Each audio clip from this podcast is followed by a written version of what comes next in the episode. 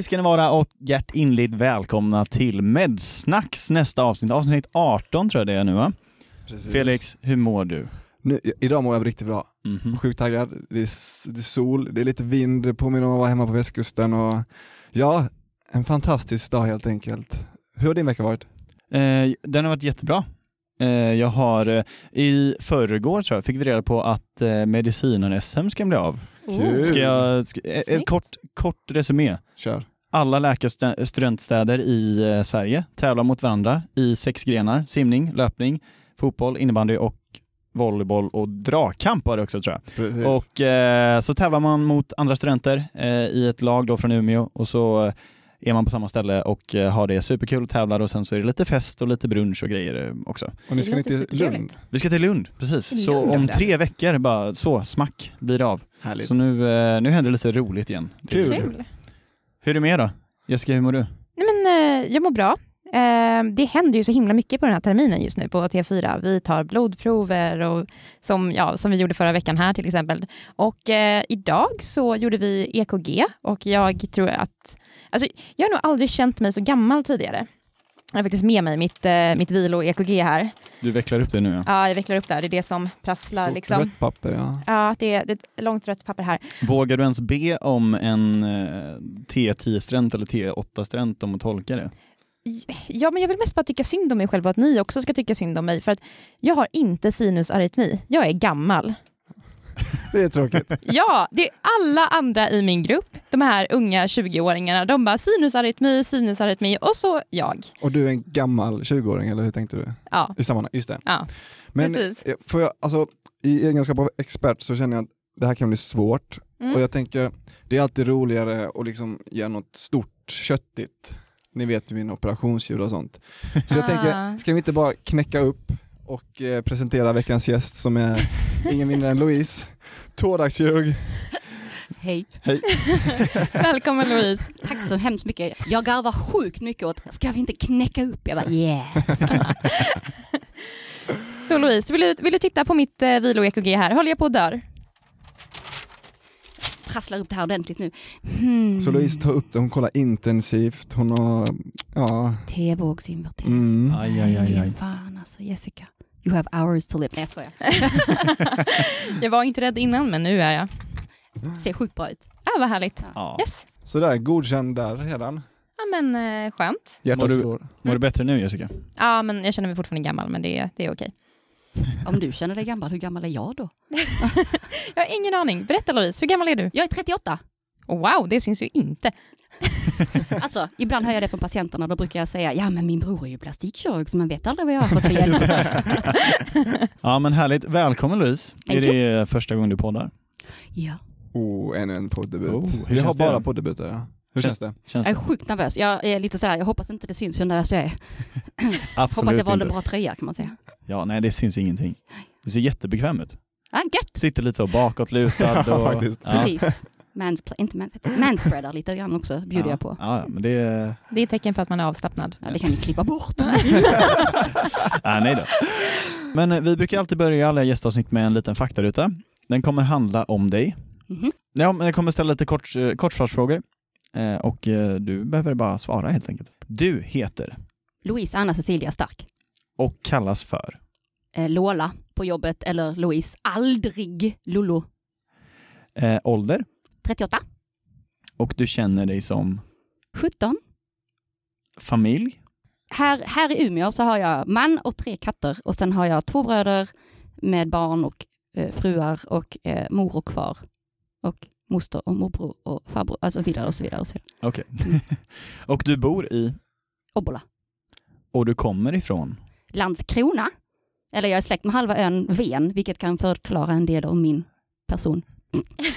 eh, din utbildning. Det här skulle vara kortsvarsfrågor. Eh, du får ta det så kort du kan. Eh, började läkarutbildningen, tog ett år och gjorde lumpen, började läkarutbildningen, eller gick tillbaka till läkarutbildningen, ville läsa folkrätt, läste juridik ett år, tyckte det var tråkigt som fan. Bytte till kemi, tyckte att en termin var rolig, andra terminen var tråkig, så gick jag tillbaka till medicin. Och så blev jag till slut färdig. Ja, så gör man. Om man då, då har du testat på mycket i alla fall. Ja. Mm. Och din sysselsättning, eller din arbetsplats nu då? Hjärtcentrum, thoraxkirurgen. Och om du inte skulle blivit det, vad skulle du blivit då? I en in a perfect world så hade jag blivit musikalartist. Men jag är inte tillräckligt duktig för det. Men det hade varit drömmen, tror jag. Du tar dig till jobbet genom att... Tyvärr köra bil. Ibland cykla, men köra bil. bor ju Obbola, det Jo, är ganska men- långt. Jo, men det känns inte rätt att köra bil. Mm. Jag kör, förra året hyrde jag en elcykel i fyra veckor i december och så cyklade jag varje dag. Det var sjukt nice. Det var, och då så kom jag till jobbet helt dyngsur och mina kollegor bara Har du cyklat? Ja, så är det att bo här uppe i Norrland. Mm. Mhm. Eh, vad läser du för något? Alltså, om jag får, jag kan läsa om Terry Pratchetts Discworld-böckerna hur många gånger som helst. Framförallt de som handlar om Tiffany Aking. Så det kan jag bara. Eller Harry Potter-böckerna. Och det är ju inte, J.K. Rowling är ju inte min fa- favoritperson, men jag kan inte komma ifrån att de böckerna betyder väldigt mycket för mig. Vad tittar du på för något? K-drama. Just nu så är det Rookie Historian Go Young. Kan varmt rekommendera. Vad lyssnar du helst på? Allt. Just nu ska vi se, igår lyssnade, eller ja, en av, en av låtarna som jag brukar tycka om väldigt mycket och jamma till det är eh, När man festar, festar man då, festar man rejält. Ja, Den är bra. Och sen ehm, allting som är lite så här pampigt är också så här ball. Vad, Men- vad spelar du på om du spelar på någonting? Jag spelar väldigt dåligt på piano och gitarr. Väldigt dåligt. Vad drömmer du om för någonting? Jag drömmer om att åka till Japan. När var du riktigt lycklig senast? I morse när jag stod och tittade på brasan som vi tände klockan halv sju på morgonen, bara för att vi kan.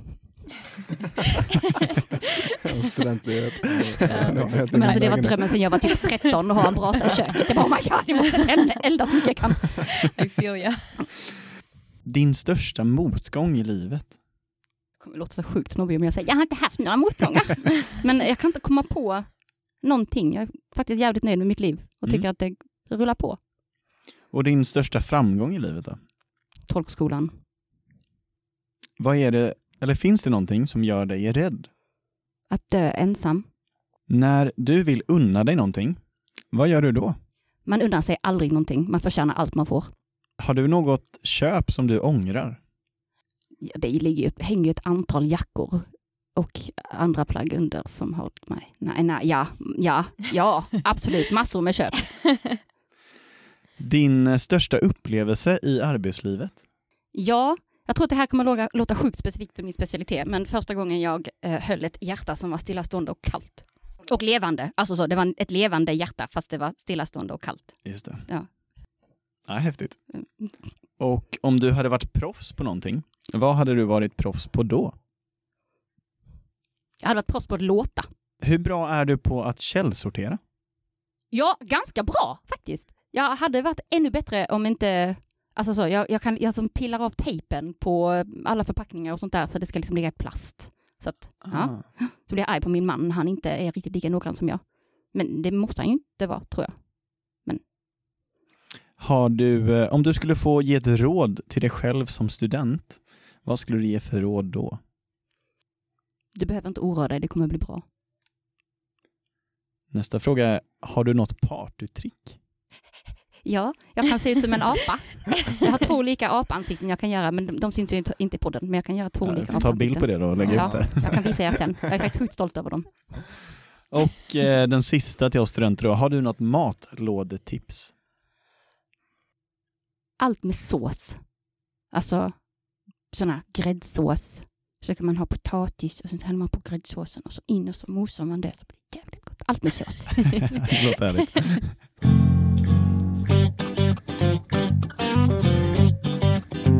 Men snyggt, eh, det var faktarutan över och eh, ja Jessica, har vi någonting att kommentera?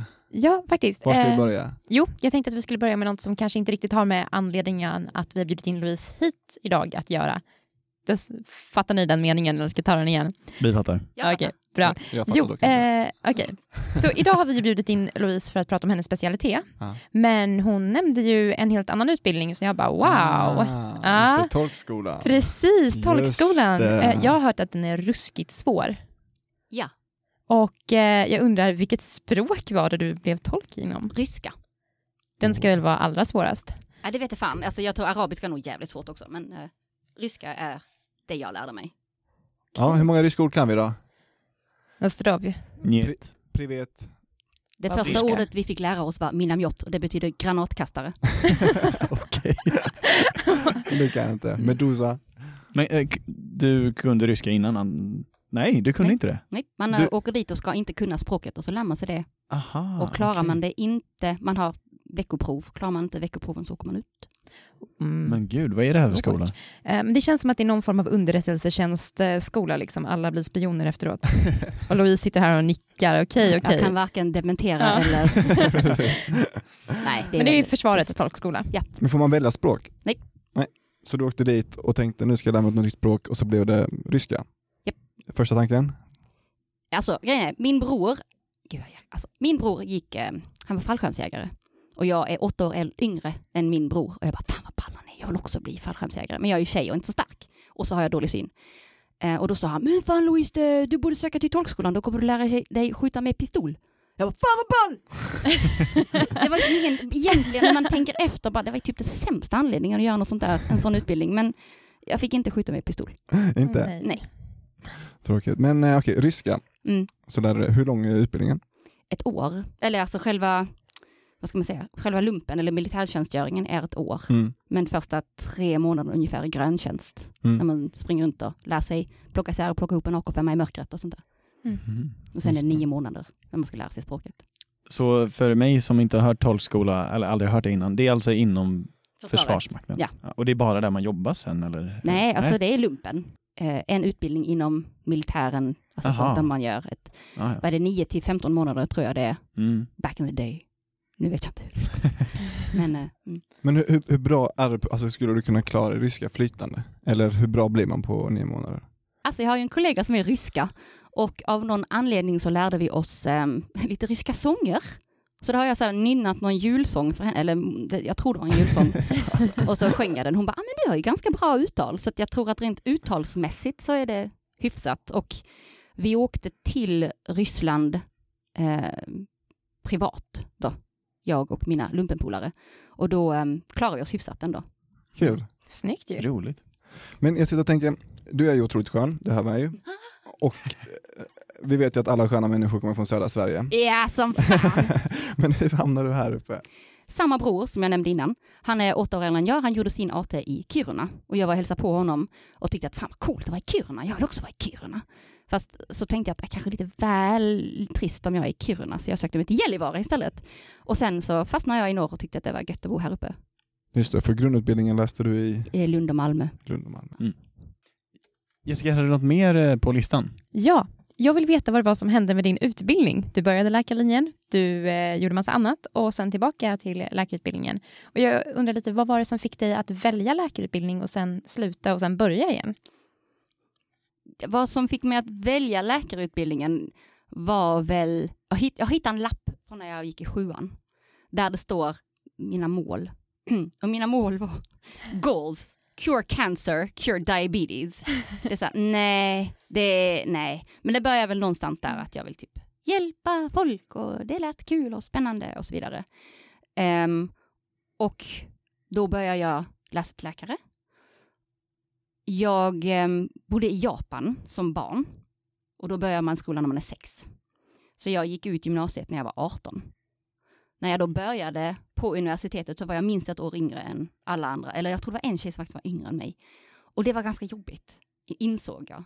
Och sen ville jag göra lumpen och då var det ju dags att liksom, vad heter det, när man ska, ja i alla fall. När jag sökte in till lumpen då blev, får man en kallelse och då var det att, ja, men nu är du 18, going on 19, så nu ska du in i lumpen då.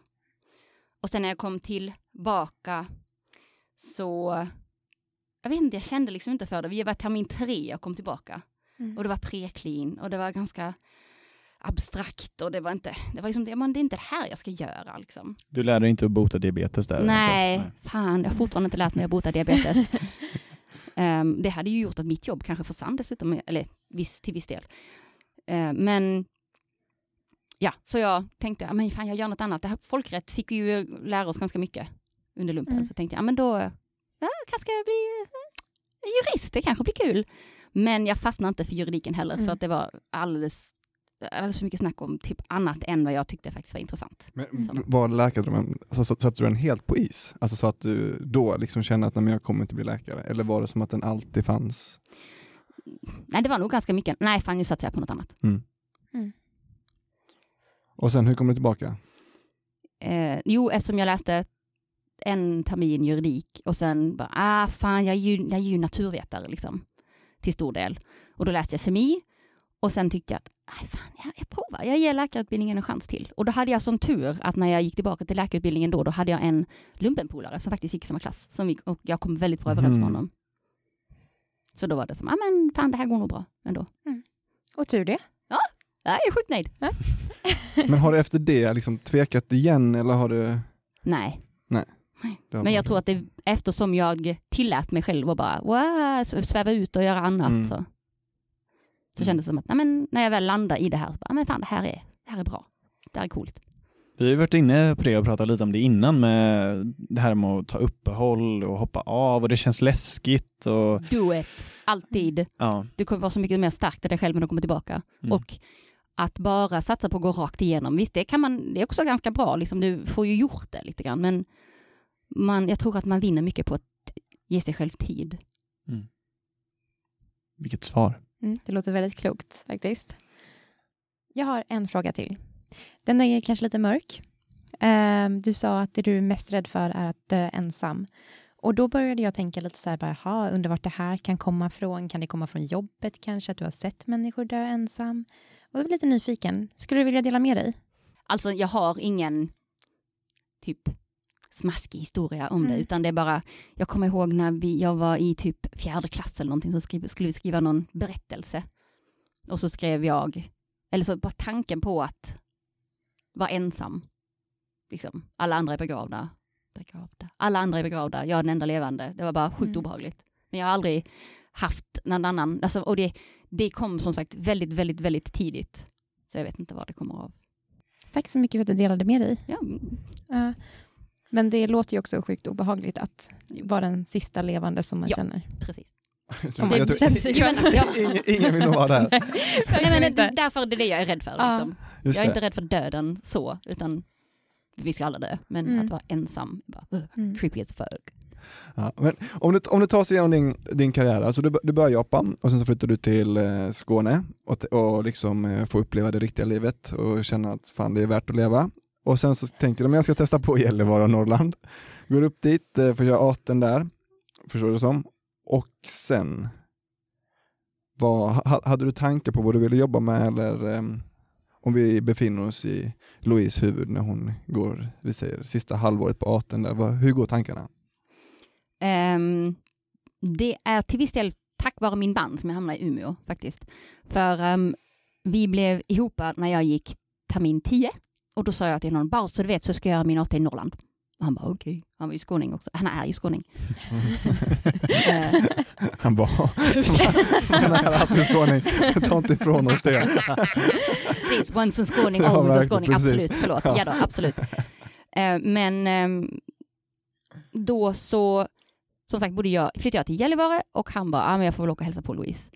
Och då stod han på perrongen i Lund, det regnade nerifrån, det var två grader, han frös som ett djur, han hade alla kläder på sig han ägde, kändes det som. Han steg på nattåget, 24 timmar senare gick han ut ur nattåget i Gällivare, det var minus 17, det var strålande solsken och det var snö överallt. Och han bara, helvete, här vill jag bo. Så då tänkte han, okej då ska jag flytta till Norrland. Och då sökte han en utbildning i Norrland. Men det säger en del om en skåning när Norrland blir Sollefteå och jag bodde i Gällivare. Ja. Det är 70 mil emellan eller vad det är. Eh, Men den utbildningen gick då några år i Sollefteå och sen i Umeå. Och det året jag var färdig med AT var det året han skulle börja i Umeå. Så jag bara, ah, fan ja, vi, vi provar Umeå. Och så hade jag vickat på thoraxkirurgen i Karlskrona. Så jag visste att det fanns en, alltså man kunde, man kunde jobba som thoraxkirurg. Just det. Mm. Och då sökte jag till thoraxkirurgen här. Men vad fick du att söka till thoraxkirurgen i Karlskrona då? Om man Alltså, ni vet den där broren, jag har pratat om några ja, gånger. Han verkar men- influera ditt liv ganska Ja. mycket. Alltså, det är mina, jag har två äldre bröder eh, och de har influerat mig otroligt mycket. Den ena är 11 och den andra är 8 år äldre än jag. Och de har alltid varit sådär, de är ju balla. Alltså jag, mina bröder, så jävla coola de är liksom så. De hämtade mig från skolan när jag var typ sju och jag bara, hej mina bröder, kolla. så att jag är liksom, ja, Men e- ena var plastik och den andra är allmänkirurg. allmänkirurg. Vi Just har det. jättemycket fantasi i min familj. Ja. Vi Jag tänker mig det. Mm. Men eh, eh, jo, den där, den där plastikkirurgiska broren då, han sa, men eh, alltså Karlskrona har en sjukt trevlig thoraxkirurgisk klinik, du kan ju söka dit på en sommar, sommarjobb. Jag bara, "Ja, mm, mm, mm." Och sen var det ju skitkul och skittrevligt och sen så hade jag hört på gott om eh, thoraxkirurgen här också, att de var trevligt folk och man fick operera mycket. Jag bara, yeah. På den vägen blev det. ja. Var det svar på frågan? Eller var det Ja, ja, på- nej, jag, jag, nej, jag, ja, nej, jag, jag är jättenöjd. Får jag, jag får bara gräva en grej innan vi kommer in på eh, hela thoraxkirurgi-grejen. Musikalartist var drömmen. Ja. Och sen hoppade du på spex. Ja. Eh, Var den uppfylld då, drömmen? Eller? Nej, Nej. never. Så den lever kvar lite? Ja, ja, alltså jag, om, ja, jag skulle älska att bara Alltså jag är en sån där klass, det, jag tror det är hippt att säga det nu också, men jag känner verkligen starkt att jag är en extrovert introvert. Utveckla. vänta, vad sa du? Ja. Jag, jag är med dig. Ja, tack. Eh, Så, jag kan, vara, jag kan, vara, kan få jag kan få väldigt mycket energi av att så här, visa upp och bara da mi, mi, mi, mi. Men jag tycker det är ganska gött att vara ensam också. Sitta hemma och bara, Ah. mm, prata inte med mig, jag ska pilla på mitt smink, läsa lite böcker. En Mm. extrovert som laddar batterierna själv. Ja men typ, typ så. Ja. Jag, kan, jag, kan inte, jag laddar inte så mycket batterier när jag är med andra människor. Mm. Men jag är, när jag är där så är jag, ja fan vad kul det här är, men sen lämna mig i fred. Så, så ikväll behöver du... Ja, du, ikväll kommer jag däcka. alltså, jag kommer ligga i soffan och bara, "Aj, ge mig te. Man kommer med te. Mm. Men eh, vad gjorde ni för spex eller vad var det för... eh, Får man veta det? Ja, alltså, det var Var glad-spexarna heter de Mhm. Mm. I Lund alltså? i Lund. Och då är de eh, blandad, eller på scen får det både vara, får det både, både vara, nej. på scen får det både vara tjejer och killar, eller män och kvinnor. Ehm, och jag var på scen. Jag var också scenmamma, så jag hade koll på alla de som var på scen. Så. Så att, ja. Och det var, inga, alltså det var en kille som skrev spexarna, han var sjukt duktig på att skriva dem. Så det är som inga kända spex på något sätt. Det var roliga, fjantiga saker. Ingen av oss som är någon spexare sådär? Nej? Tråkigt. Mm. Jag gjorde lite spex när jag pluggade i Uppsala, men eh, inte mer än så. Ah, okej. Mm. Får man veta något mer eller? Det finns inte på film. Nej, okej. Så det är, Har du säkerställt det då? Är det, är det Nej. tack vare dig de inte finns på film? Som du eh, har jag jag oj, bara antar borta. att folk hade bättre saker för sig än att filma. men, ja. Ja men snyggt. Eh, tillbaka till thorax, tror jag. Mm. Eh, oj, vilken, vilken Göteborgs Ja, thorax-dialekt jag fick där. Men han känner sig utmanad här Thorax ska vi börja med nu. Men du, Ja. du är Norrlandsfrälst, Ja. helt klart. Du är Ja. inte skåning längre. Jo, alltså, Jo, jag har ju, jag har ju. Skåne i mig. Mm. Men vi var nere i Skåne i sommar och det var sådär, ja det är gött att vara här men fan vad skönt jag kommer hem till, till Obbola. Det är gött. Mm. Mm. Men om, om man börjar bara enkelt, vad är, vad är thoraxkirurgen och vad gör man där och varför heter det thoraxkirurgen och vad, är det en del av kirurg eller det, ja. Thoraxkirurgi är en egen specialitet. Mm. Ehm, Det betyder att om man ska bli thoraxkirurg så behöver man inte gå via att först bli allmänkirurg. Utan man kan göra AT och sen kan man söka sig till den specialiteten. Att vara thoraxkirurg, då handlar man, då jobbar, mm, att vara thoraxkirurg, då handhar man organ som är i thorax, det vill säga eh, hjärta och lungor. Förr i världen så gjorde, vi, gjorde man också esofaguskirurgi, alltså matstrupekirurgi. Mm. Men det gör inte vi längre, utan nu är det allmänkirurgen som gör det här i alla fall. I alla fall i Umeå. Ser det likadant ut eh, i hela Sverige? Eller? Vad gäller just matstrupekirurgi, alltså esofaguskirurgi, så tror jag det är likt i hela Sverige, men jag är inte säker. Jag tar Mm. inte gift på det. Nej. Men thora- thoraxkirurgi är ju lite så här känt att vara the shit. Jag tänker på typ Grey's Anatomy. Oh my Alltså, god, don't get me started on greater sådär. kommer det här vara en bra eller dålig diskussion? Nej, det är cass. Nej, det är cass. Den, Okej. bästa, den mest medicinskt korrekta läkarserien skulle jag argumentera är Scrubs.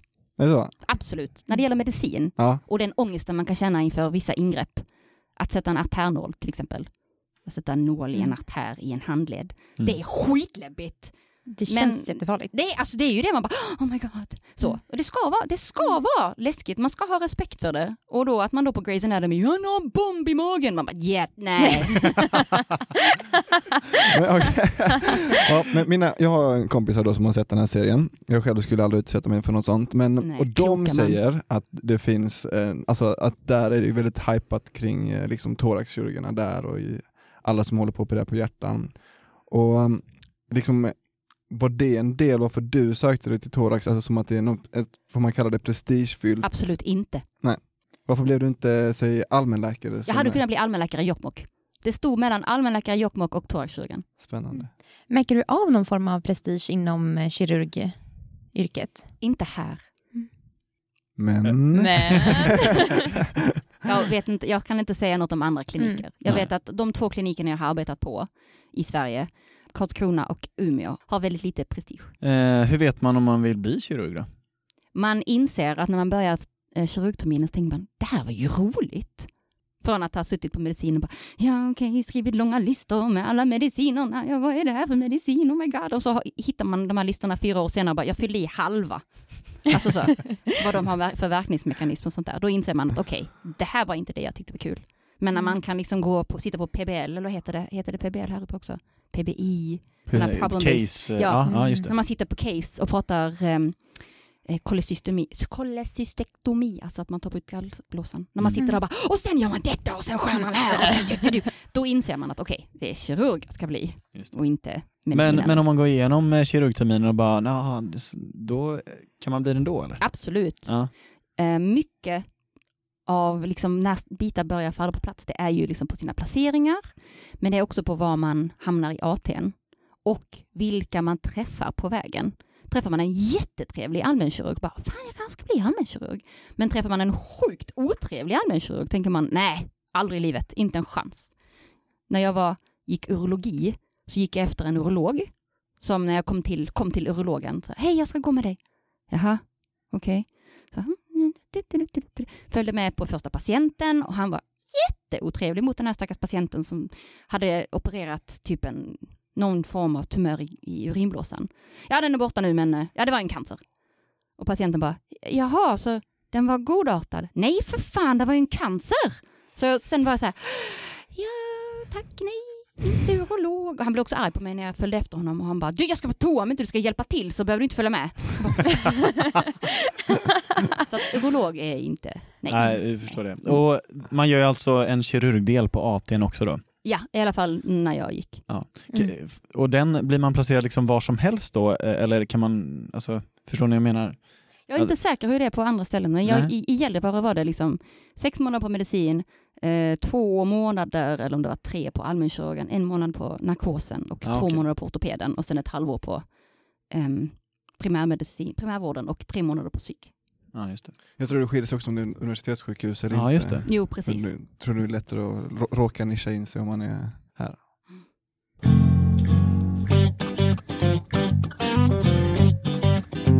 Men Louise, Ha. vad är det som är så sjukt spännande med thoraxkirurgi? Tell me all about it. Oh my god. Eh, Allt. Eller, alltså, det är så mycket som är bisarrt med att vara kirurg. Och det är nästan, jag, jag tycker det är så, alltså, jag älskar mitt yrke, men det är ju ett jävligt bisarrt yrke. Utveckla. Vad är det Men som är alltså, bisarrt? För att komma åt, om man ska operera ett hjärta, för att komma åt hjärtat så måste du först skära igenom huden. Sen ska du skära igenom underhuden. Sen ska du såga upp ett ben. och, sen, och då är det ju som en riktig såg, alltså zzz, zzz, liksom så. Så ska du igenom det. Och sen ska du igenom underhuds, eller så här fettet och sådär. Och sen ska du igenom perikardiet. Bara, alltså det där tänker jag på varenda gång jag öppnar perikardiet. Det här är så jävla sjukt. Alltså perikardiet är hjärtsäcken, förlåt. Och det är då, du ska liksom så här, göra hål på hjärtsäcken. Och sen så ska du öppna det, det här hålet, förlänga det hålet. Och så ligger ett hjärta där, dugum, dugum, dugum, dugum. och så ska du pilla på det. Det är helt stört. Alltså det är helt stört. Så eh, ja, vi börjar där. Ha, har du den känslan varje gång du opererar? Varje gång jag öppnar perikardiet, alltså hjärtsäcken, så är det så här, this is so weird. Det är så? jag, för jag, jag har varit med på, eh, ja, men, min första gång minns jag när jag var med på en, en thoraxoperation. Och exakt den känslan känner jag då, men jag tänker de som gör det här varje dag, känns det, det känns alltså så varje gång du... Alltså ja, alltså varje gång får jag en så här, och sen så går jag vidare. Ja. När man opererar hjärtat och man ska använda en hjärt-lungmaskin, då kopplar man ju in slangar i hjärtat också. Då stoppar man in en megaslang. Var- Gud, var- nu överdriver jag kanske. Det, det, men alltså det är stora slangar liksom. Var. Mm. Varför behöver man en hjärt och lungmaskin? Jo, för att om man ska operera hjärtat och man eh, till exempel ska sy till nya kranskärl, och kranskärl är ju det som förser hjärtat med syre, så kan man göra det utan att hjärtat står stilla. Att hjärtat ligger och rör sig, men det blir mer komplicerat och det blir pyssligare. För eh, kranskärlen är typ en till två millimeter och om det rör sig hela tiden så är det lite svårt att Mm. pricka rätt. Så då vill vi stanna hjärtat. Men om vi stannar hjärtat så får ju hjärt, eh, kroppen ingen syre. Så då kopplar man in hjärt-lungmaskinen som tar över funktionen för både hjärta och lungor. Och då så stoppar man in en stor slang i stora korsbulsådern i aorta och en nästan lite större slang i höger förmak. Så att man kan tömma ut blod och sen stoppa tillbaka det. Och när man gör, då förbereder man för att göra hål. Och när man gör hålet i aorta så är det verkligen så här, första gångerna är man så här, oh my god. För då får man ju en kniv, alltså man får en kniv i handen här. det är, alltså, kniv, och så sticker man in det åt och så kommer det blod, och man, ah, det kommer blod. Alltså man får liksom inte, man får inte visa det liksom, men man känner ju det väldigt starkt att, oh my god. Så, och sen stoppar man in den här stora slangen och sen fäster man fast den och första, 20 gångerna så är det så här, känner man efteråt liksom, okay, adrenalinet så rusar, händerna skakar lite grann. Och, nu tar vi nästa grej och så ska man så då försöka vara lugn och... Men tänker du på att alltså, den här människan som ligger där, alltså litar helt i blindo på dig egentligen? Alltså, eller så här, Det just, kan man inte tänka på där och då, Nej. men det är ju en, jag vet inte vad uttrycket ska vara på svenska, but it's very humbling. Ja. Alltså så, Mm. det är ju verkligen, man måste, det här är ju allvar. Jo. Mm. No shit, liksom, men det är verkligen, ja, så de gånger, alltså det händer ju alltid, operationer är som operationer är. Och det kommer ju alltid vara någon gång där det är så här, fan. Och det är jävligt obehagligt. Och då tänker man, okej, nej, men man kan inte tänka, samtidigt så kan man inte tänka för mycket att det här är en människa. För det är ju helt stört att jag stoppar in knivar i folk. Det är ju helt, alltså det kan, jag kan inte tänka det. Utan man måste på något sätt, okej det här är, ett, det är hjärtat, nu gör jag detta. Nu håller jag på här. Så de gångerna till exempel vi har haft patienter som har varit jätte, jätte, jätte, jättesjuka och man måste operera innan man liksom har gjort hela det här steriltvättningen. För man gör ju det inför en operation, att man steriltvättar och sen så klär man in så att man bara har framme där man ska faktiskt vara och operera. Om det då är ett ben eller om det är ett hjärta. Men om det är så att någonting är sjukt akut och man måste göra det nu, då har man inte tid. Och då kommer man, när man lägger sitt snitt, kommer man se att men där ligger Pelle Per liksom. Och det är så här, det här är, uh, det här är weird, det här är weird. Men om han bara har hjärtat, mm, det här är ett hjärta, det är ett, då kan man distansera sig.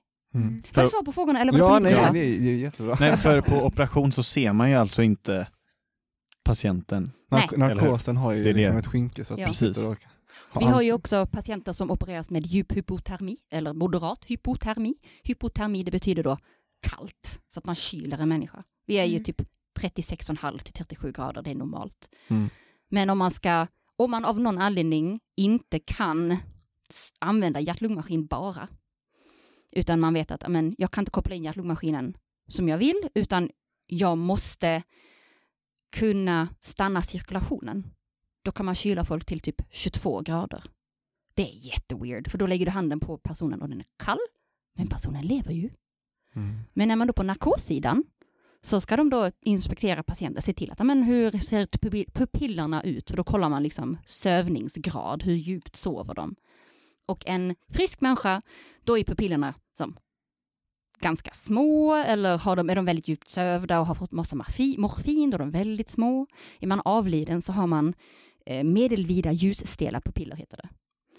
En patient som är 22 grader har medelvida ljusstela pupiller. Så de ser döda ut. Men de är ju inte det, för de har ju cirkulation med hjärt-lungmaskin. Men när man stannar cirkulationen så är det ju några minuter att de inte har någon cirkulation. Och det är så här, ja, nu jobbar vi på. Men eh, jag tänker sen när man ska starta igång hjärtat och låta kroppen själv få ta hand om det här. Mm. Det måste vara nervöst. Ja, alltså, det finns en film som heter City of Angels som jag Mm. såg när jag var 16. Och den handlar om en kvinnlig thoraxkirurg. Och nu tror ni att ja, men det är därför hon blev thoraxkirurg. men det är det inte, för hon är jättedum för hon cyklar utan hjälm. Så att nej, hon, så, ja. Men där har de en scen där de då opererar ett hjärta.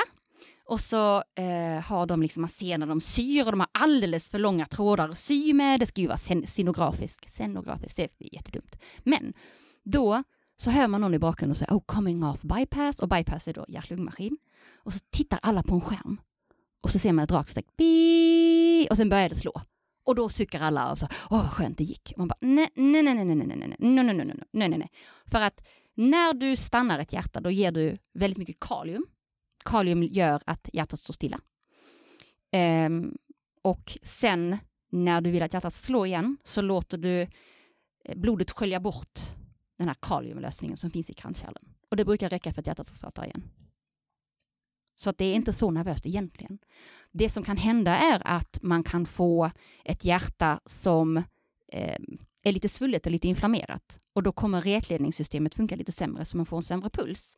Så alla patienter får tillfälliga pacemaker-trådar. Att man sätter en liten tråd på hjärtats yta och så kan man koppla det till en pacemaker som kan styra rytmen.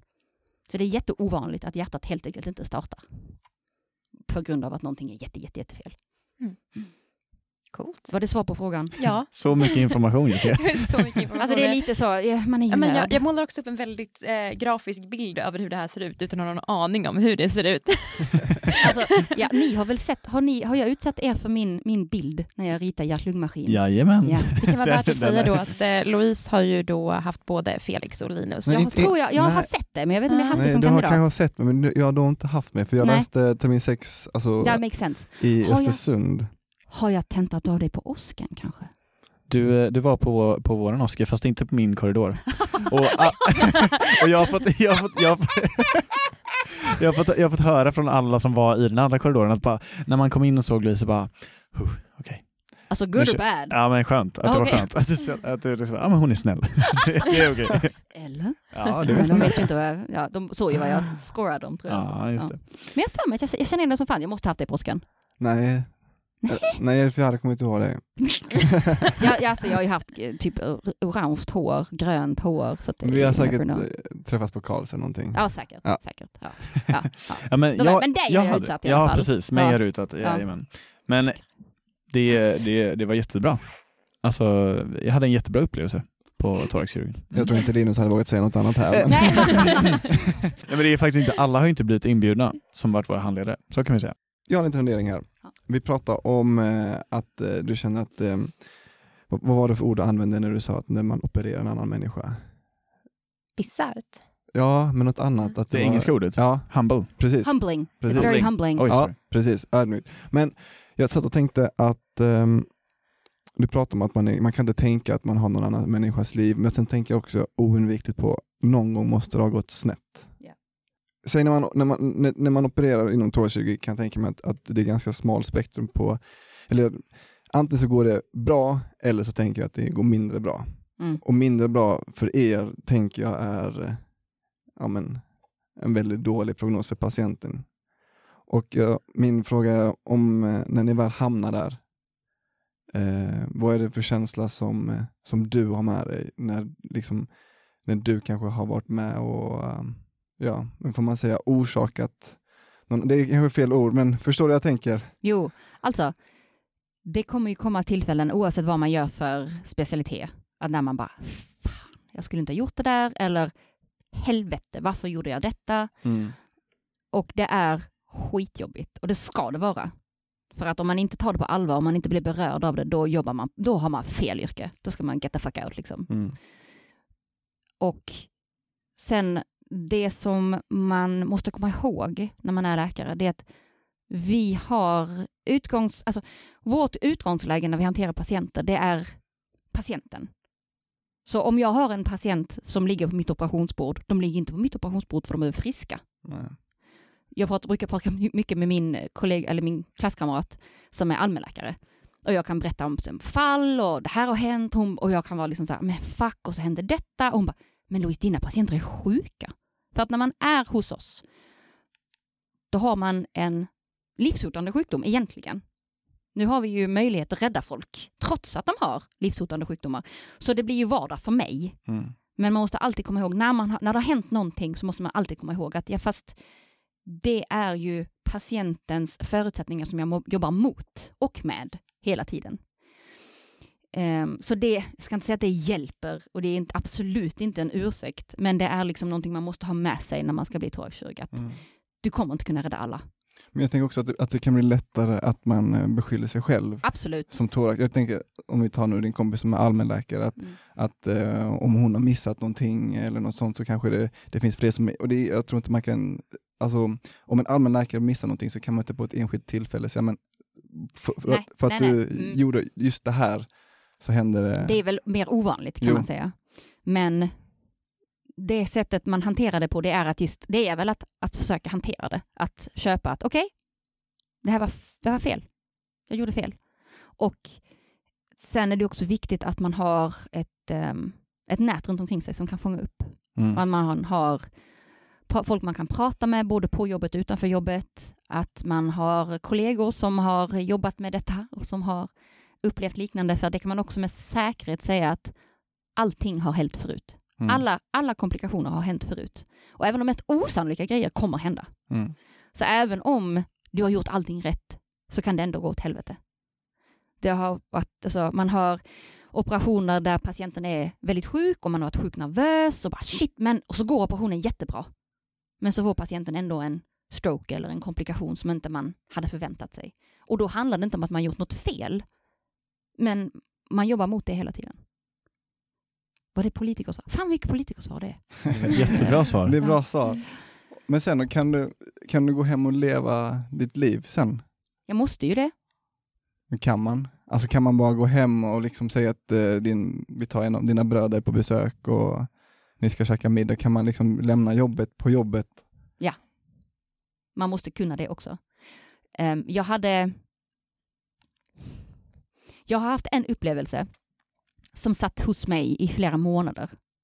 Och det som ehm, man kan behöva göra som thoraxkirurg när man är jour, det är att man kan behöva göra en, det kallas för akutöppning.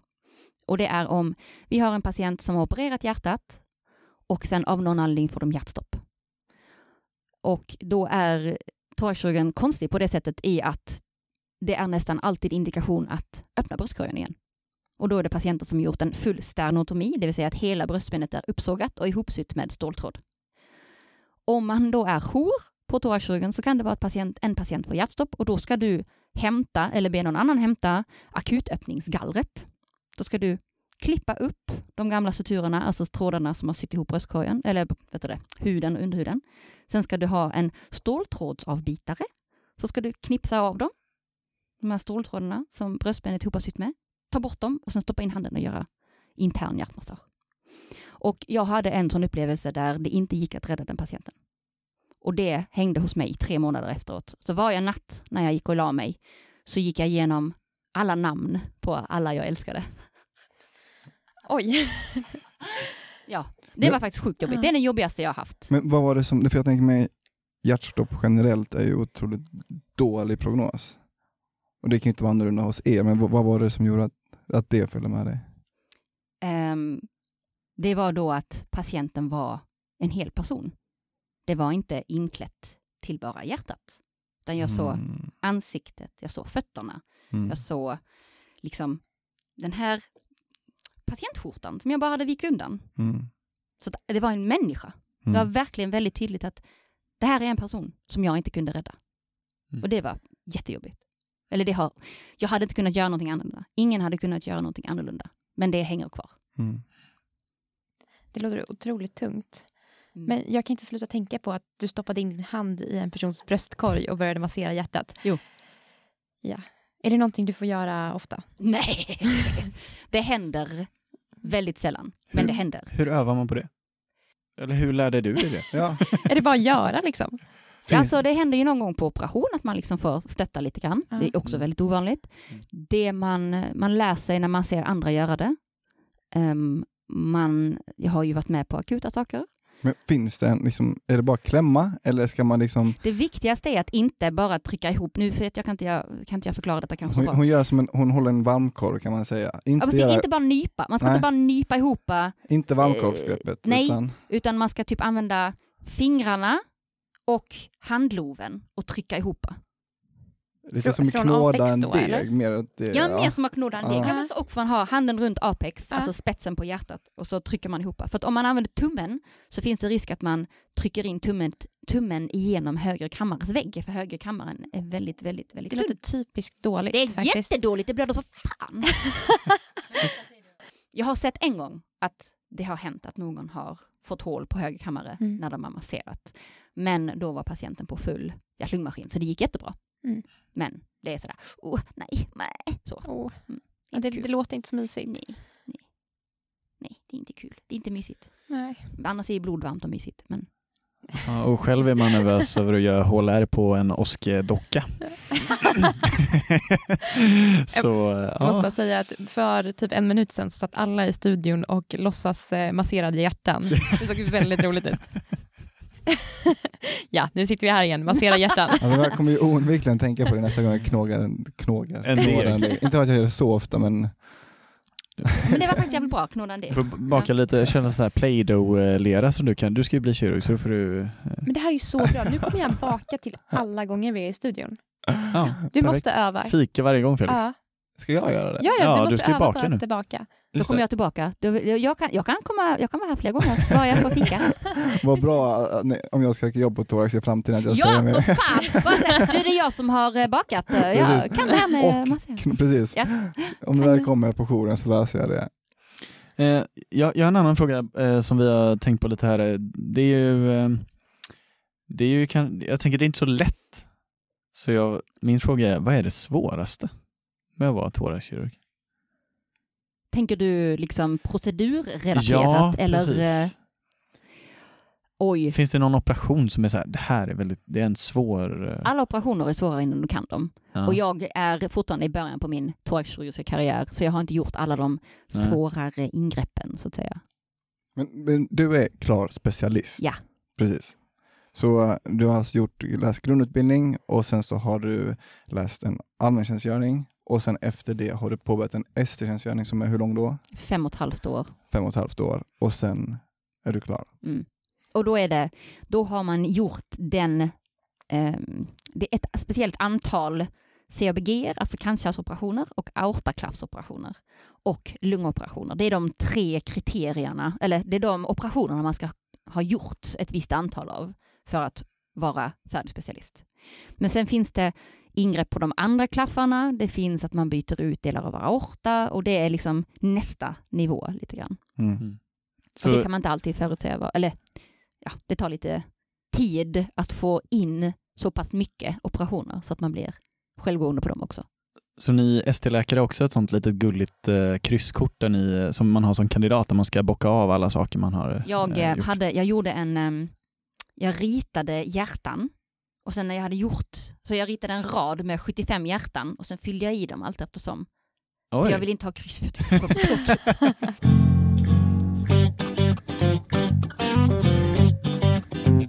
vad, är, vad är det bästa med ditt jobb då? Det bästa med mitt jobb är egentligen tror jag sammanhållning på operation.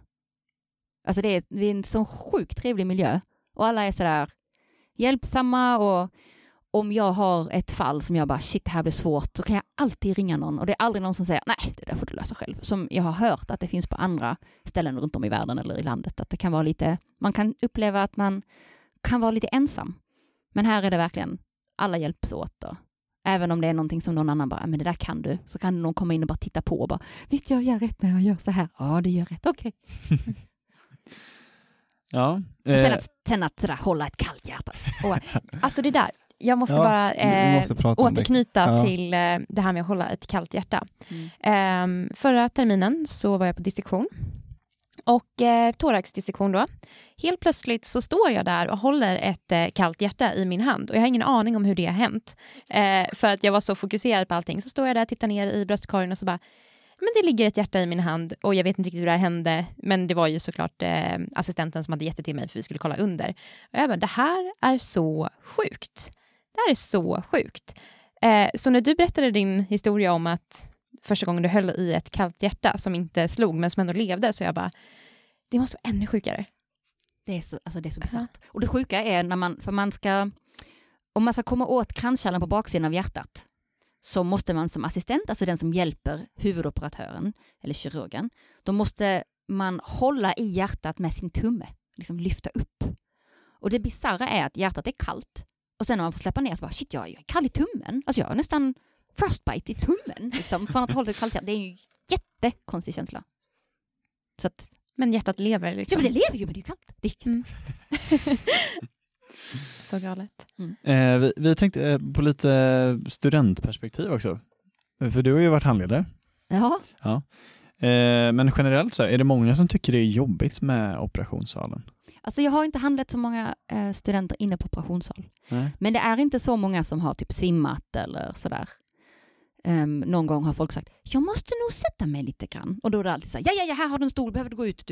Så. Men ehm, de flesta studenter tycker jag, när jag har bara, vad är det här? För jag är också en sån som bara, jaha, vad är detta?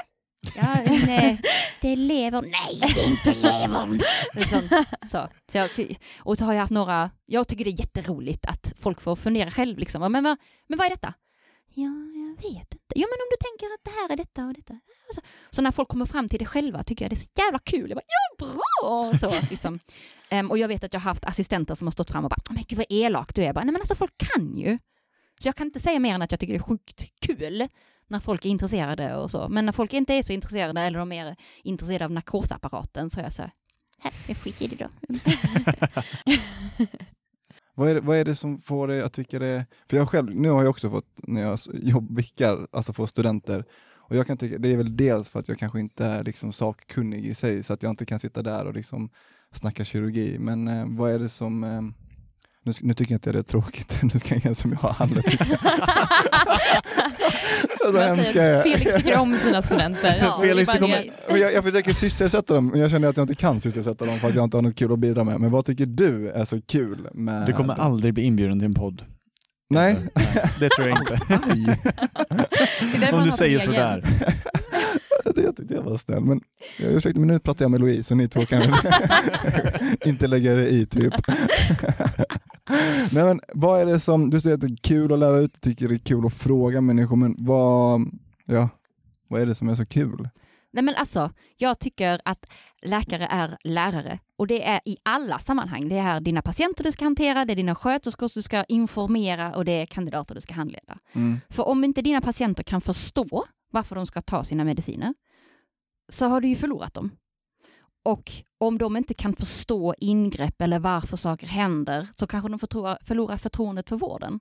Och då har du gjort det jättemycket svårare för alla dina kollegor i övriga specialiteter. Om du inte kan förklara för en sköterska varför du vill ha vissa prover eller vissa undersökningar eller att, du ska lägga om, att man ska lägga om ett sår så kommer de inte heller förstå varför ska jag göra detta? Det är helt jätteonödigt, det tar sjukt mycket tid. Och om du inte kan förklara för en kandidat eller en student varför man tänker på vissa sätt, ja men då har du också gjort det mycket svårare för dem att bli bra kollegor till dig i framtiden. Så att jag tycker att det är så viktigt att man bidrar med sin kunskap och med sin, hur man ska tänka, för det är, det är bland det svårta, svåraste är inte vad jag ska göra, utan hur jag ska tänka när jag gör det. Mm. Upplever du att det finns eh, brister liksom i eh, det här? Eller varför har du kommit att tänka på det? Liksom? Jag vet inte om det finns brister, men jag tänker för egen del när folk ställde mig frågor så att jag fick börja tänka. Eller folk förklarade, ja men det här är viktigt för att. Då är det så här, jaha, okej. Och de gånger man haft eh, patienter som bara, ja men jag tog, fick den här tabletten men jag, jag mådde inte bra av den så jag slutade. Jaha, men om din doktor hade sagt de första dagarna kommer du må dåligt, då kanske du också hade fattat att jaha, jag, jag ska acceptera detta en stund, för jag känner förtroende för den personen som har lärt mig om min sjukdom och om min medicin. Det handlar, jag tror, kanske en anledning till att jag tycker det är så viktigt är att om du kan någonting så äger du din situation och då blir du starkare i att liksom hantera din vardag. Gud vad jag låter sådär. Jättebra svar. Eller lite såhär, meh, meh, meh, meh. Ja, Var det svar? Ja, Ja, det var ett jättebra svar. Gud jag låter osäker också. Och jag pratar, oh, det här är skitkonstigt. Nej, men- men gör du- det här varenda, Nej, men, jätteofta. ja, nej, men, du- alltså, du, ska prata om det för vi har ju som sagt inte så mycket kul att tillföra, det är därför du är här. Vi Men- är ju inte experter då, förutom Felix då. Precis, jag, jag har fått en experttitel här som jag inte riktigt kan winga. ja jo, men den, den, den är du men du är ju trots allt äldst. ja, Alltså, nej det är jag inte. ja, Termin. P3. Han, han, är, han är yngst, men... Jag är yngst. Nej, Jo, jag är ser- du det? Ja, men jag, jag ser eh, obevarad ut. Du ser... Så du är yngst Ja, Mm. och sen är... Linus. Ja, vi är lika gamla ungefär. Jag är äldre då. Månader gör skillnad. Ja, jo, jo, jo, gud Ja. ja, gud ja. Alla, alltid. Alltid. Min man är, eh, eh, han är född 84, december 84, så han är ett år och nio månader yngre än mig. Så han är Mm. mitt lammkött. Mm. Och han säger att men jag är bara ett år yngre. Jag bara, nej, nej, nej, nej, nej, nej, nej, du är ett år och nio månader yngre. Makes a difference. Men vi ser man på, nu när vi säger att Felix är då tänk, han är ju Ja. yngre. Han Ja. har ju inte en enda Nej. rynka liksom. You're very, very youthful allihopa tycker jag. Som Tack. tanten i Tack. rummet. Snällt. Jo men jag, jag tänker på vad som är, vi har ju pratat om vad det som är det bästa med ditt jobb. Och då tänker jag, då måste man ju ställa andra frågan också. Vad är det tråkigaste eller dåligaste med jobbet? Jo men att återknyta det vi pratade lite om innan, att när det går fel så går det så jävla fel. Det är det tråkigaste. Mm. Eller när det är någon du inte kan rädda. Önskar du inte ibland att du skulle eh, valt en lättare liksom, Jo, path? Alltså du tänker någonting, du säger lite mer knegar, lite med den tanken. Alltså så att det går så här, men gå 8 till 5, göra Jo. klart jobbet och sen gå hem och sen inte liksom må sämst. alltså, Eller riskera. alltså de dagarna som det är tungt eller man tycker att det skulle ha varit på annat, något annat sätt eller Ja. vad lång tid det tog eller vad det Jo. nu kan vara. Då brukar jag säga nej nu skiter jag i det här, nu ska jag jobba på Kicks. och jag har en kompis, som, eller en, min kollega som säger att nej nu skiter jag i det här, jag går tillbaka till Systembolaget. Hon jobbade där då.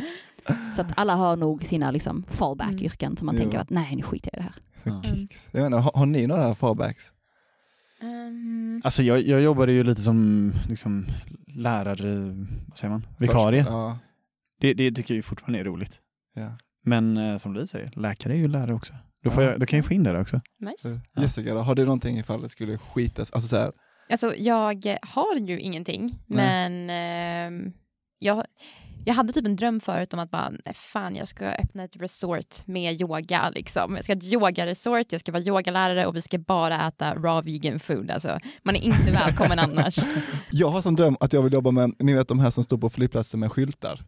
Alltså typ så här Wing, Åh! alltså med så här, olika företag. Jaha! Och, alltså inte den, som, inte den som kallar in flyget, utan jag vill stå den när folk har landat, är taggade, liksom, de är Ah. på Mallorca, ska vara där en vecka, och ha all inclusive. Jag och vill så vara hämtar du de här glada människorna. Ja, precis. Och jag, nice. och jag ska vara astaggad. Och De bara, som har scarfar runt Ja, halsen. precis, precis, precis, Så precis. nästa gång det kommer en gäst, då ställer vi dig uppe i entrén och så får du stå där med scarf och Ja, en liten fin... Alltså eh, missed opportunity, du skulle hämtat mig så.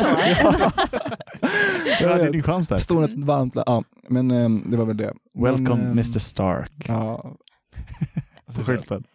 Ja men jag tänker, eh, ditt fallback-yrke där, istället för Kicks, musikalartist? Jo men alltså om man ska bli musikalartist måste man jobba så väldigt hårt.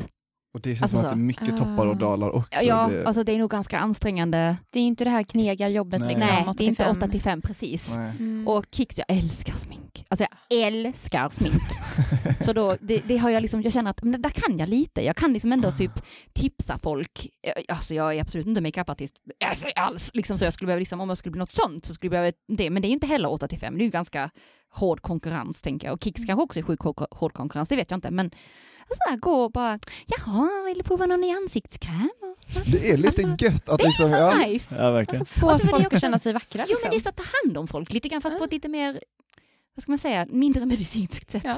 men sen har jag också tänkt alltså, in, inom vården, det är väldigt få människor som vill vara i kontakt med vården egentligen. Ja, Alltså nej, inte nej. som att Och det är ju helt pass- rätt, Jo, man ska jo, ju inte nej, vilja, nej. absolut. Ja, precis. Men det var lite gött i det. Jag tänker också med min, sommar, alltså min dröm, att liksom det är en helt annan del av spektrat. Att liksom, man vill jobba med människor som vill vara där, dagisbarn, eller du, din yoga resort där man äter, alltså det är så här, de vill ju De vill komma det? dit ja. Men vi alla har ju valt liksom andra sidan spektrat, alltså det, är det enda, det är liksom, Folk vill inte träffa oss. Nej. Vi har valt yrken där folk inte vill träffa oss. jo, Ingen vill träffa doktorn, vi bara ja, vi, kom igen, träffa mig! Ja. inte alls det vi... men, eller som, det är Men det är, det är ändå så på rond, när, dok, alltså, när doktorn kommer, eller om man är på akuten och jo, väntar jo, länge på absolut, läkaren, absolut. när den kommer. Den finns ju också, men jag tänker att vi är lite som, ni vet, som en präst men som jobbar, bara jobbar på begravningar. Och man bara, visst är det kul, visst är det kul att träffa mig? Och alla bara, nej.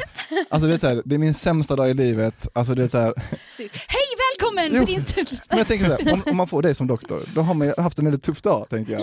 Det är inte, eller så här, det är inte så här, bara, åh Ja. vad kul, jag hade Louise som doktor, hon är Mm. thoraxkirurg. Bara, jo, Jaha, varför fick du träffa henne? ja, så... precis. Kanske bättre med din brorsa som är plastikkirurg då. Jo, att man alltså, skulle ja, rätta till. jo. Ja, han, är, han är användbar, tror jag. På många. Ja.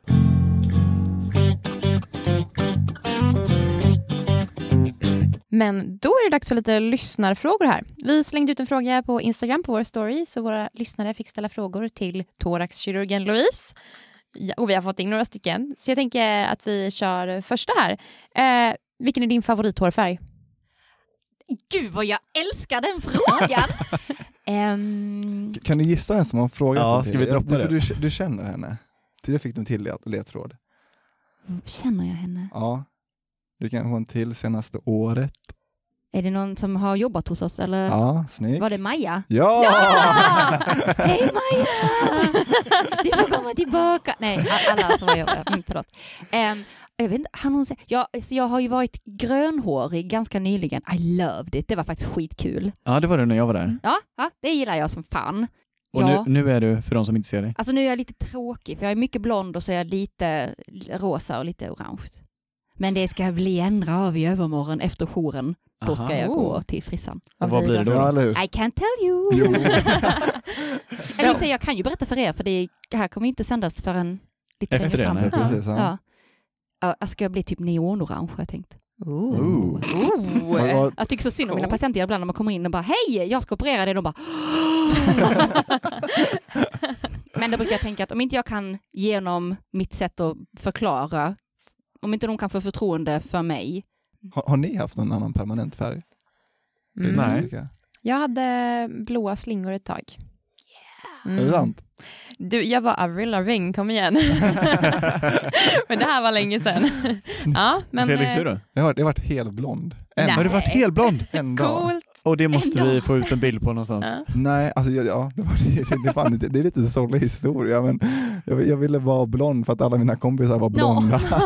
så vart jag blond och sen så skrattade jag, för jag är ganska, jag vet inte om ni har sett med mina ganska tjocka mörka ögonbryn. Och, ja, det gick inte så asbra med den blonda hårfärgen så jag hade det en dag och blev skrattad i skolan och sen gick jag hem och sen vart det svart. Åh. Alltså jag kan ändå se det, jag tycker att du borde reclaima det. Jag, jag tycker att det låter trendigt. Jag tycker liksom. också det. Alltså, Typ så här- en- Men så här nu, nu, nu har det blivit lite Ja, ja, men det är trendigt. Men, Platinablont Alltså liksom, typ kanske, när jag gick i högstadiet, Mm. nej för 15 år, nej hur gammalt, hur länge sedan var det? Ja. Vad är Alltså jag? du, reclaim it. Jo, 15 år, ja. Jo, jag ska fundera på det. Men favoritfärgen i alla fall, grön då. Ja, just nu är det Mm. det. Vi får se, det kanske blir orange. Ja, kan mycket väl Mm. bli det. Jag har nästa här. Gällande optider. Vad räknas som en kort respektive lång optid inom thoraxkirurgin? En kort, alltså knivtid, det vill säga när kirurgen börjar skära till när såret är stort, så är en kort, vad ska vi säga, 15 till 30 minuter. En lång är, nu ska jag se här, min senaste riktigt långa, då var jag assistent. Ja, åtta timmar kanske? Och, reko- och ditt rekord? Nej, jag vet faktiskt inte, men åtta timmar är nog rekord. Och, och, vad gör man på en kvart eller en uh, halvtimme? Man, om det är en patient som har opererat hjärtat och eh, man har sytt ihop bröstbenet med ståltrådar så kan de ibland irritera. Mm. Och då kan man komma till oss och så tar man, öppnar man i det gamla ärret och så tar man ut ståltrådarna. Eller om man har en pneumotorax, det vill säga att en luftblåsa i eh, lungan har gått sönder och lagt, gjort så att det läcker luft och, som ligger runt lungan så kan man knipsa bort den läckande luftblåsan. Den Och de, de långa då? Eller den längsta? Vad är det? Vad är det, Det typ är av- ofta aortadissektioner. Ja. Och aortadissektioner i eh, thorax eller nära hjärtat, det är när det går in blod mellan aorta eller stora kroppspulsåderns lager. Och då måste man skära bort den biten av aorta som är sjuk. Och då måste man ofta använda cirkulationsarrest, det vill säga att man kyler kroppen till 22-25 grader så att man kan stanna cirkulationen, det vill säga att det rullar inte något blod någonstans. Och då klipper man ut aorta och syr in så snabbt som fan. Och sen kan man då starta cirkulationen igen. Men då måste man värma patienten som har varit 22 grader varm. Och det tar några timmar för man kan inte värma, eller det tar inte alls några timmar, men det kan ta lång tid för att man kan inte värma lika snabbt som man kan kyla. Det låter som att man skulle typ tillaga patienten om man gör det snabbt. Och vad, vad, vad, gör, vad gör du då när, du värmer, när vi, den värms upp där? Eh, Ska du stå kvar och övervaka eller kan du gå och ta en kopp kaffe? Eller? Ja, alltså det är lite olika för att eh, en del av den här värmnings eh, biten, eller vad man ska säga, i operation, då kan man göra annat, liksom fortsätta sy och upp och upp och upp. Men om man har gjort klart allting, om man har sytt in hela den nya biten av aorta, så om man bara väntar på att patienten ska bli varm, för att om man är för kall så kan man inte klara sig utan hjärt-lungmaskin. Och då, är, då kan vi ta, sätta oss och ta en kopp kaffe. Och det brukar vara, av någon anledning så kommer dissektionerna alltid på kvällen, nästan alltid på kvällen. vi hade, ja, vi har haft någon som ju då är undantaget som bekräftar regeln. Men då är man ju ganska mör där, halv tre på natten. Så det kan vara gött, att gå ut och ta en kopp kaffe, äta lite choklad. Eller i mitt fall, mycket choklad. Men apropå halv tre på natten, vi har fått en fråga här om em, hur jourtungt eh, det är. Det är en jourtung specialitet. Vad betyder det? Det betyder att, ehm, eller som det är upplagt hos oss i alla fall, så är det att tre till fyra gånger i månaden så är jag på jobbet i 24 timmar. Och då kan det vara allt från att jag eh, är vaken till 23 och sen så går till 07, eller så är jag vaken 24 timmar. Och hos oss så är det så att eh, ehm, varannan dag så är det en narkosläkare som är jour och varannan dag så är det en thoraxkirurg som är jour. Och det betyder att vi thoraxkirurger som jobbar här har en ganska lång narkosrandning. Och randning är alltså sidoutbildningar under specialistutbildningen. Så vi måste ha ganska bra koll på narkoseriet också. Så att, ehm, ja, men det, det är jourtungt. Och alltså det handlar mycket också om att vara solidarisk. Man kan inte bara säga att nej men nu går jag hem, hejdå, utan ja, men alltså, om någon står och kämpar med en operation så kanske man måste vara beredd på att, men behöver du hjälp, ska jag stanna? Mm. Men blir det någon, får ni ut mycket komp då? När vi, vi har upplagt det så, av, nå- jag vet inte vem som har förhandlat det så här, men um, av någon anledning så när vi är jour, om jag har jour så får jag liksom komp. Jag vet inte om jag får bättre eller sämre än någon annan. Men om jag jobbar övertid, om jag typ stannar för att hjälpa en kollega så får inte jag någon ersättning för det. Men, eh, och för de som inte vet vad jour är, vad gör man som jour? När man är jour så är man... det liksom? Ja, men alltså, när man är jour då är man den som man ringer. Mm. Så. Till exempel är du medicinjour på akuten, då är det du som är ansvarig. Ansvariga. Mm. Och om jag är thoraxjour, då är jag den som är ansvarig för thorax och de patienter som ligger inne och även de patienter runt om i regionen som av någon anledning behöver kontakt med thorax. Snyggt sammanfattat. Oh, men då måste jag också återknyta till det här. Vi har fått en fråga om just familjeliv. Du har nämnt det mycket jour. Och eh, den här frågan då. Eh, kan man ha ett vanligt familjeliv? Det beror på vad man tycker är vanligt, Mm. skulle jag säga. Men de flesta av mina kollegor är gifta och har mellan två till tre barn. Mm. Så att jag skulle säga, ja, absolut går det. Men du måste vara ärlig med dig själv och med din partner. Om att, ja men eh, jag har ett jobb som innebär mycket jobb.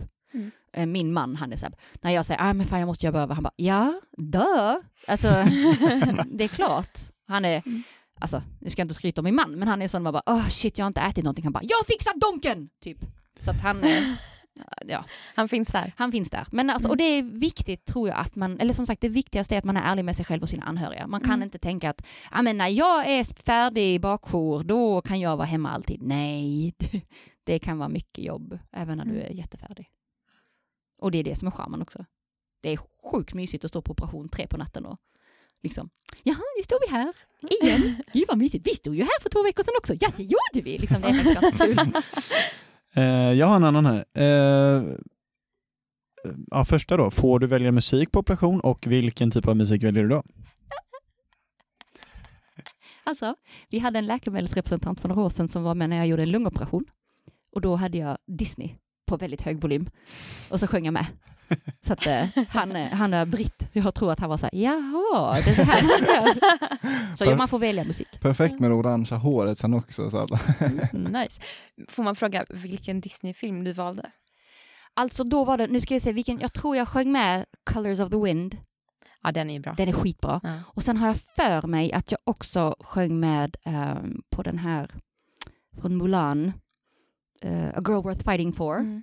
Och även den här We are men. na, na, na, na, na. Men det här är ju väldigt musikaliska låtar. Ja, liksom. hur? Fokuserar du på operationen? Det, Ja, men man alltså måste det- ta i liksom. Jo, men det, det varierar liksom så här. Mm. Om, när man opererar lungor Mm. så är det det man ska, då går det ju, det går kärl till och från lungorna. Och kärlen som går från lungorna, det är eh, lungvenerna. Och de är ganska sega, alltså tål ganska mycket manipulation. Så då kan man säga, prata på och dona och snacka och ha det kul. Sen har vi lungartärerna och de kommer från hjärtat. Och de är som smör, de är supersköra. Så då kan man liksom, så här, då kan det vara att jag säger till folk, bara, nu får ni vara tysta. För att det är liksom, jag måste fokusera så mycket, eller jag tycker det är sjukt obehagligt. För att om de går sönder då så blöder det jättemycket.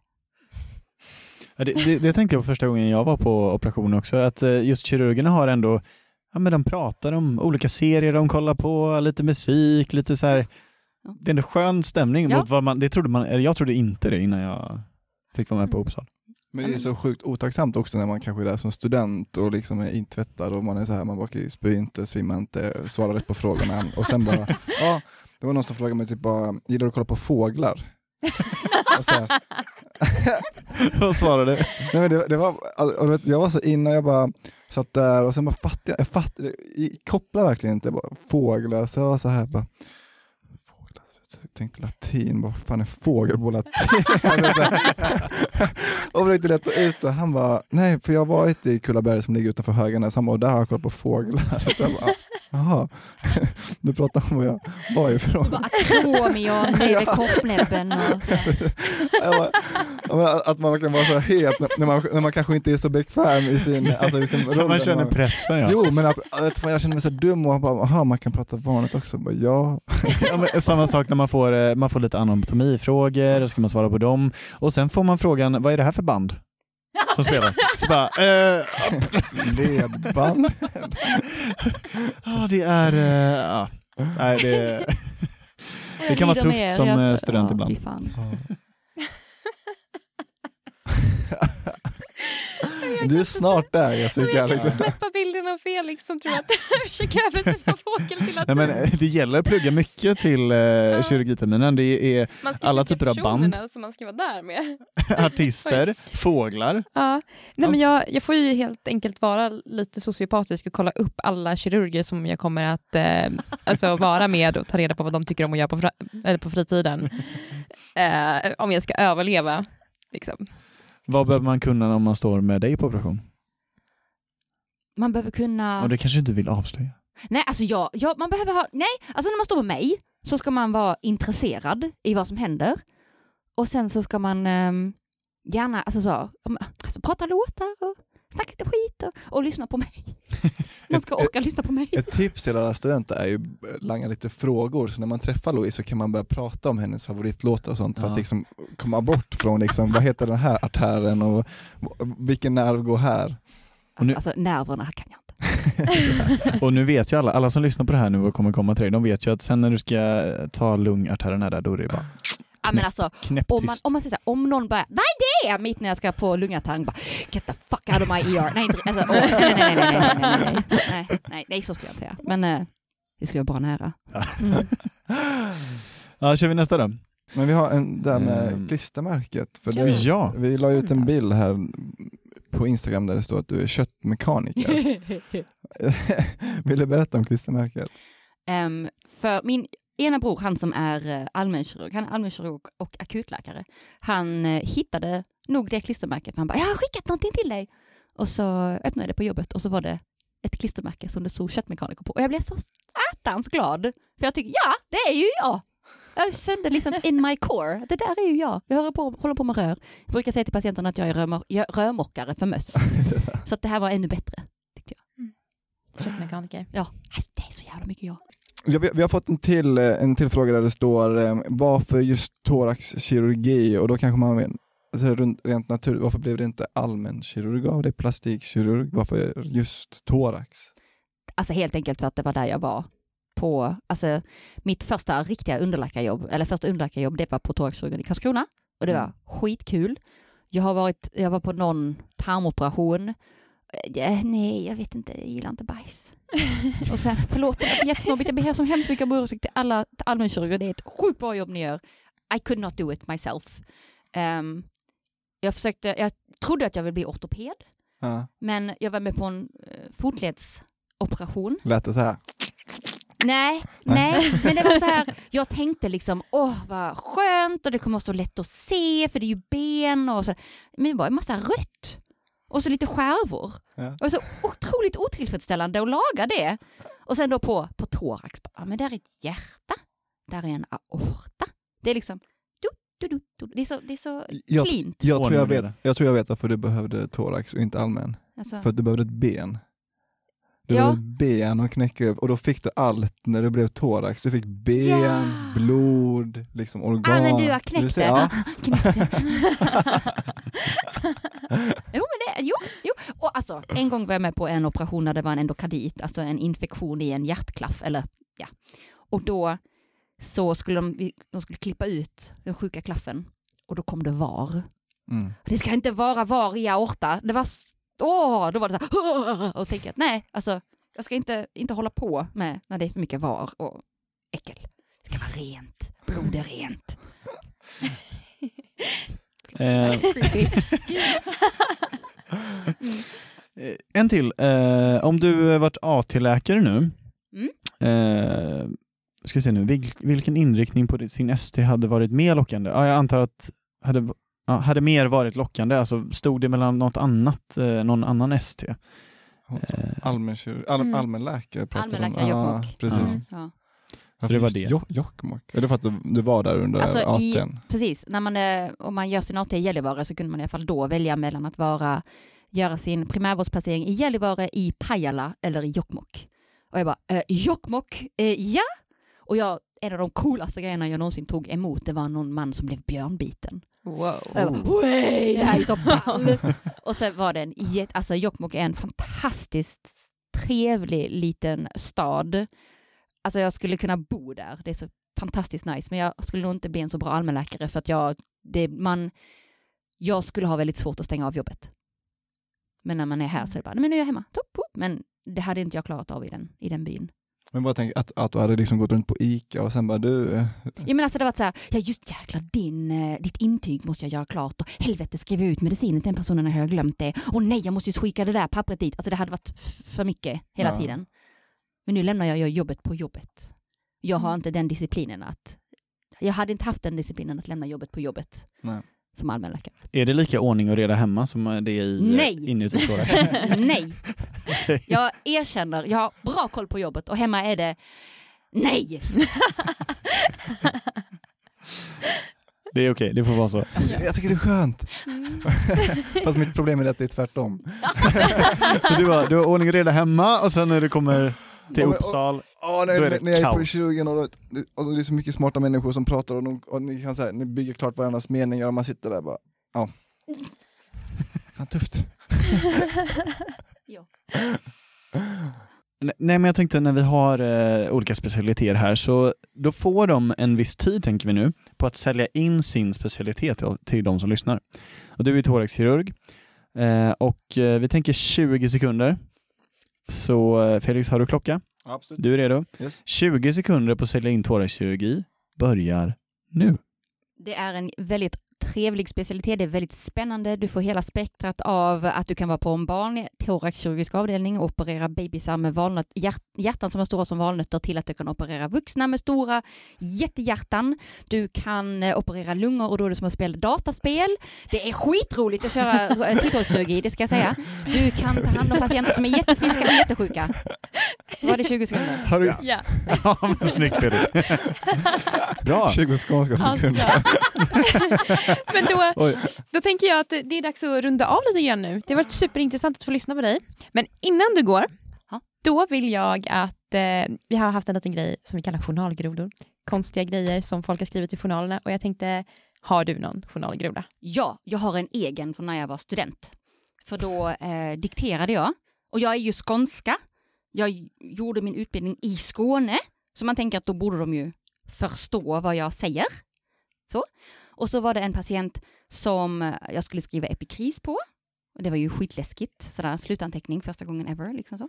Och så skulle jag se vad de hade skrivit. Och då var det en patient som låg inne för långvarig diarré.